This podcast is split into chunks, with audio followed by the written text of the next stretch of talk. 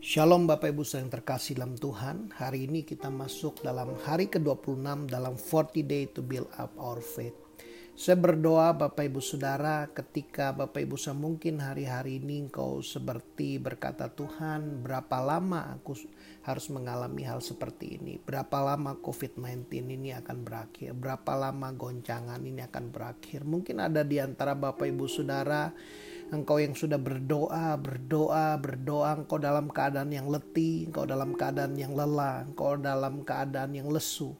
Tapi hari ini biarlah engkau datang dengan hati yang terbuka kepada Tuhan, agar Roh Kudus Tuhan dikatakan menambah semangat kepada yang tidak berdaya, Tuhan memberi kekuatan kepada yang lemah.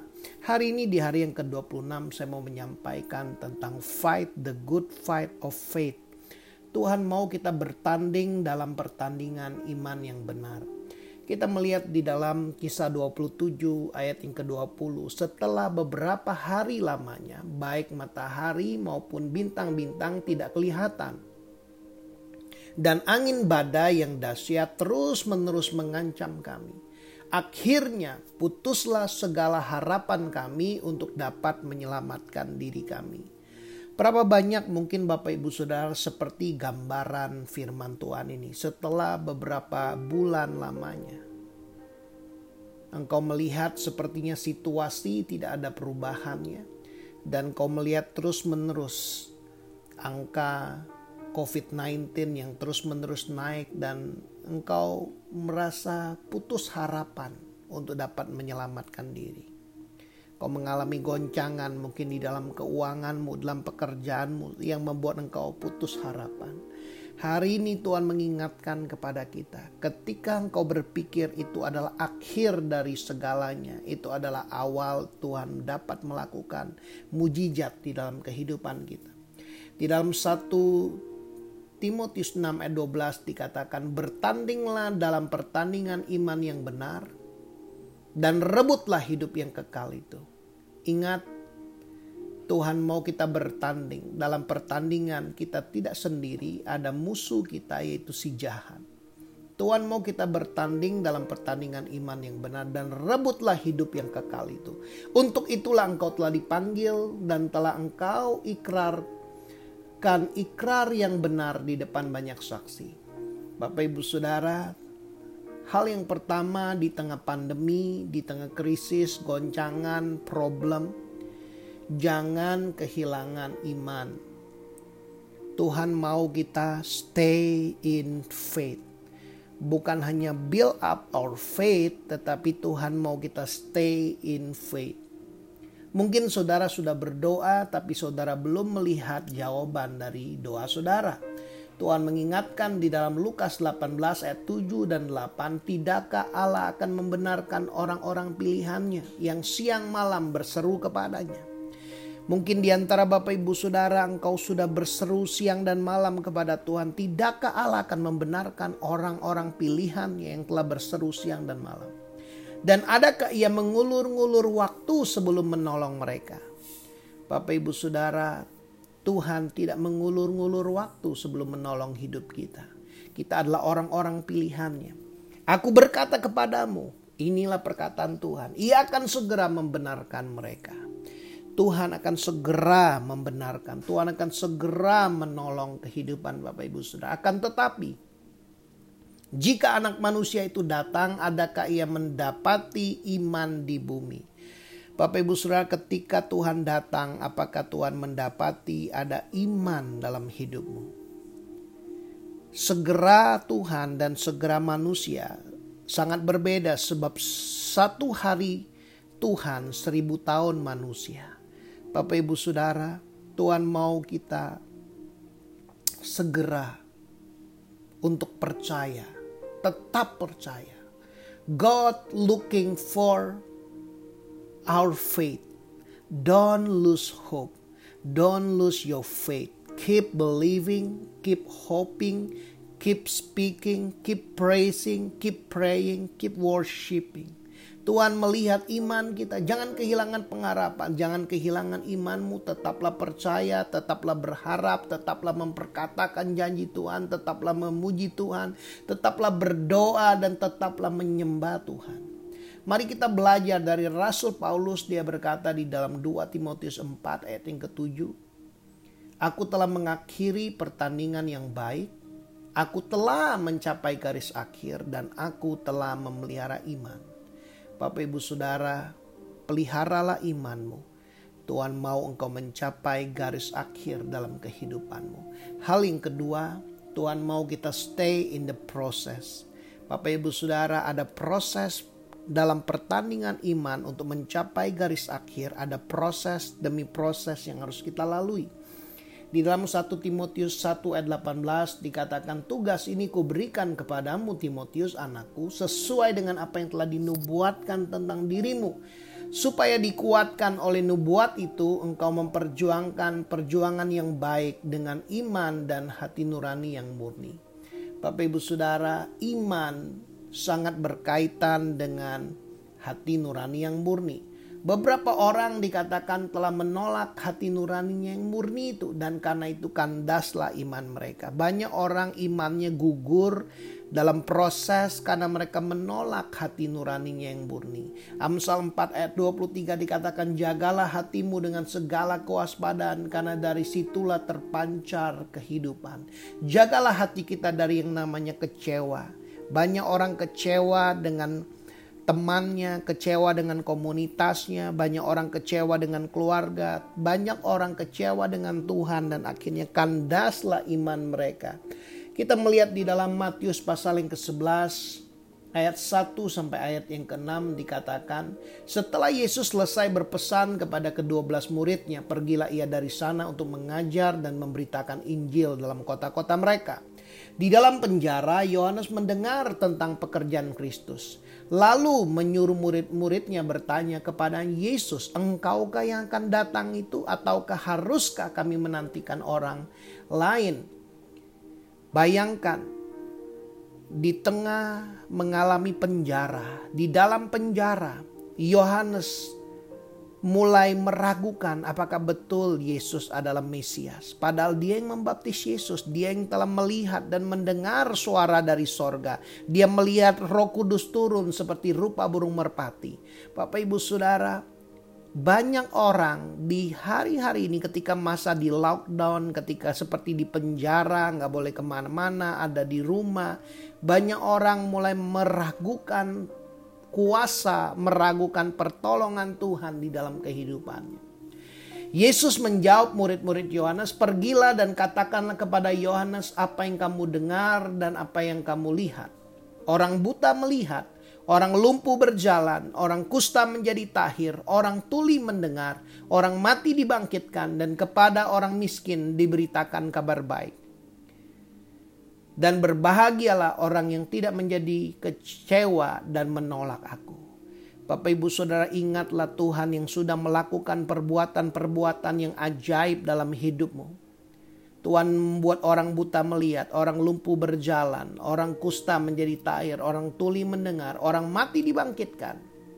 Dan kepada orang miskin diberitakan kabar baik. Berbahagialah orang yang tidak menjadi kecewa dan menolak Tuhan. Jagalah hatimu dengan segala kewaspadaan. Yang kedua, jagalah hatimu dari patah semangat. Amsal 18 ayat 14 berkata, orang yang bersemangat dapat menanggung penderitaannya. Bagaimana dengan kondisimu Bapak Ibu Saudara? Apakah engkau masih bersemangat?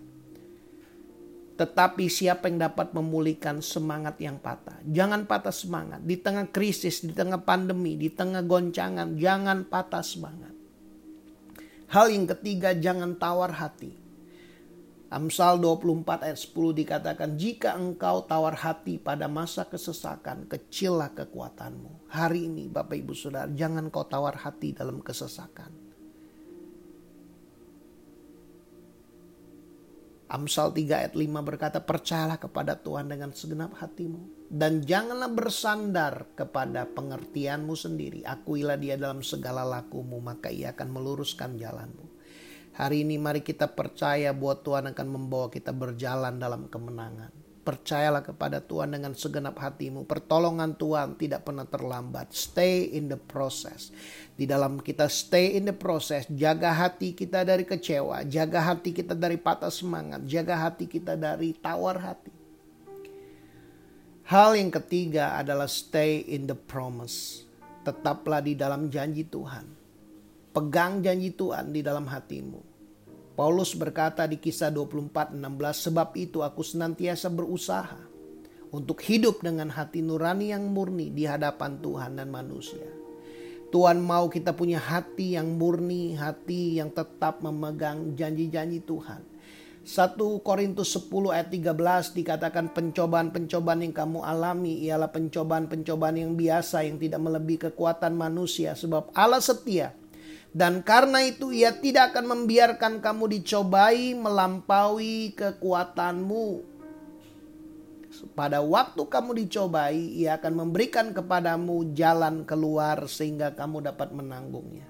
Tuhan setia, Tuhan tidak membiarkan Bapak Ibu sudah dicobai melampaui kekuatanmu. Tuhan sudah menyediakan jalan keluar. Mari bersyukur. Mari terus memperkatakan janji Tuhan. Bersyukur buat jalan keluar yang Tuhan sudah sediakan. Roma 8 ayat 28 dikatakan kita tahu bahwa Allah turut bekerja dalam segala sesuatu untuk mendatangkan kebaikan bagi mereka yang mengasihi dia. Yaitu bagi mereka yang terpanggil sesuai dengan rencana Allah. Wow. Tuhan turut bekerja.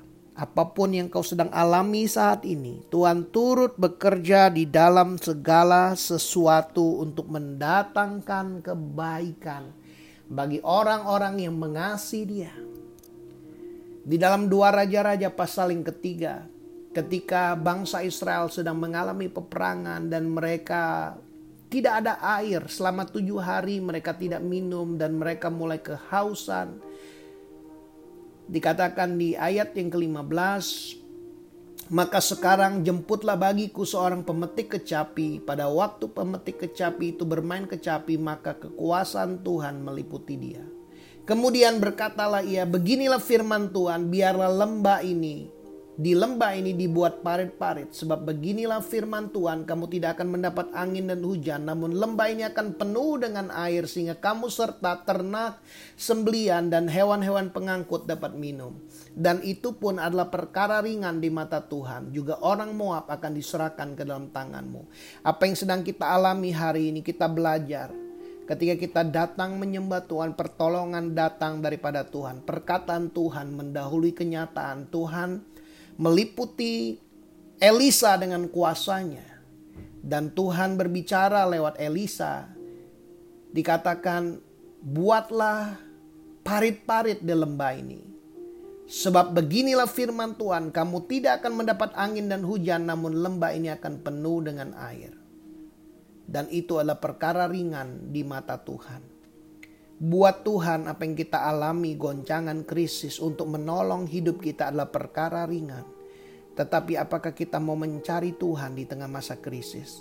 Raja Israel, Raja Yehuda pada waktu itu mencari Tuhan, mencari Nabi Tuhan untuk mendengarkan arahan Tuhan, pimpinan Tuhan di tengah masa krisis yang mereka hadapi.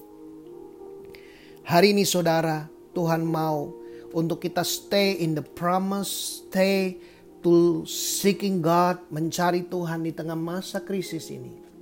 Dikatakan ayat yang ke-20, dua Raja-Raja 3. Keesokan harinya ketika orang mempersembahkan korban, datanglah dengan tiba-tiba air dari tanah Edom, dari arah Edom, lalu penuhlah negeri itu dengan air. Wow, wow, wow. Sama seperti virus datangnya dengan tiba-tiba. Saya percaya pertolongan Tuhan datangnya tiba-tiba ketika kita stay menanti-nantikan Tuhan. Bangsa Israel dan Yehuda waktu itu mereka hanya perlu belajar percaya melakukan membuat parit-parit di lembah karena pertolongan Tuhan pasti datang perkataan Tuhan pasti terjadi perkataan Tuhan pasti digenapi dalam hidup mereka. Dan keesokan harinya dikatakan tiba-tiba ketika mereka mempersembahkan korban penting sekali kita tetap menyembah Tuhan tetap bersyukur kepada Tuhan. Korban berbicara tentang ucapan syukur mereka kepada Tuhan. Dan dikatakan keesokan harinya pagi-pagi ketika matahari bersinar atas permukaan air tampaklah kepada orang Moab air di sebelah depan di sebelah depannya merah seperti darah. Lalu mereka berkata itu darah. Tentulah raja-raja itu telah berbunuh bunuhan yang seorang membunuh yang lain. Maka sekarang marilah menjara. Hai orang-orang Moab, tetapi ketika mereka sampai ke perkemahan orang Israel, maka bangkitlah orang Israel itu lalu memukul orang-orang Moab sehingga mereka lari dari situ dan makin jauhlah mereka menerobos ke dalam Moab sambil menewaskan orang-orang Moab itu. Apa yang Tuhan katakan terjadi. Tuhan berkata akan lembah itu akan penuh dengan air dan mereka akan mengalahkan Moab. Segala sesuatu terjadi sesuai dengan perkataan Tuhan. Hari ini Bapak Ibu Saudara apa pun yang terjadi dalam hidupmu percayalah, percayalah Percayalah segala sesuatu terjadi sesuai dengan perkataan Tuhan. Hari ini saya berdoa buat Bapak Ibu Saudara. Tuhan terima kasih. Engkau tahu apa yang dialami oleh orang-orang yang mendengar renungan ini Tuhan. Engkau tahu apa yang sedang terjadi. Dan engkau sudah menyediakan jalan keluar agar kami dapat menanggungnya. Tuhan, aku berdoa agar setiap kami dapat stay in faith, stay in the process, stay in the promise. Sebab kami tahu janji Tuhan pasti ditepati, janji Tuhan pasti digenapi. Kami tahu perkataan Tuhan mendahului kenyataan. Kami mau terus percaya, terus berharap, terus memuji Tuhan, terus berdoa, terus menyembah Tuhan, terus bersyukur karena kami percaya pertolongan Tuhan tidak pernah terlambat dalam hidup kami. Terima kasih Bapa, dalam nama Tuhan Yesus kami berdoa. Ada kelegaan, ada kelepasan, setiap kekecewaan, ketawaran hati, tiap semangat yang patah Tuhan bangkitkan kembali. Terima kasih Bapa. Haleluya dalam nama Yesus. Amin. Jika saudara diberkati dengan renungan ini, saudara sharingkan kepada yang lain, bagikan video ini, ceritakan pengalaman saudara, apa yang kau alami. Saya berdoa mujizat Tuhan terjadi dalam hidupmu. Kau akan ngalamin pertolongan Tuhan tepat pada waktunya. Tuhan Yesus memberkati.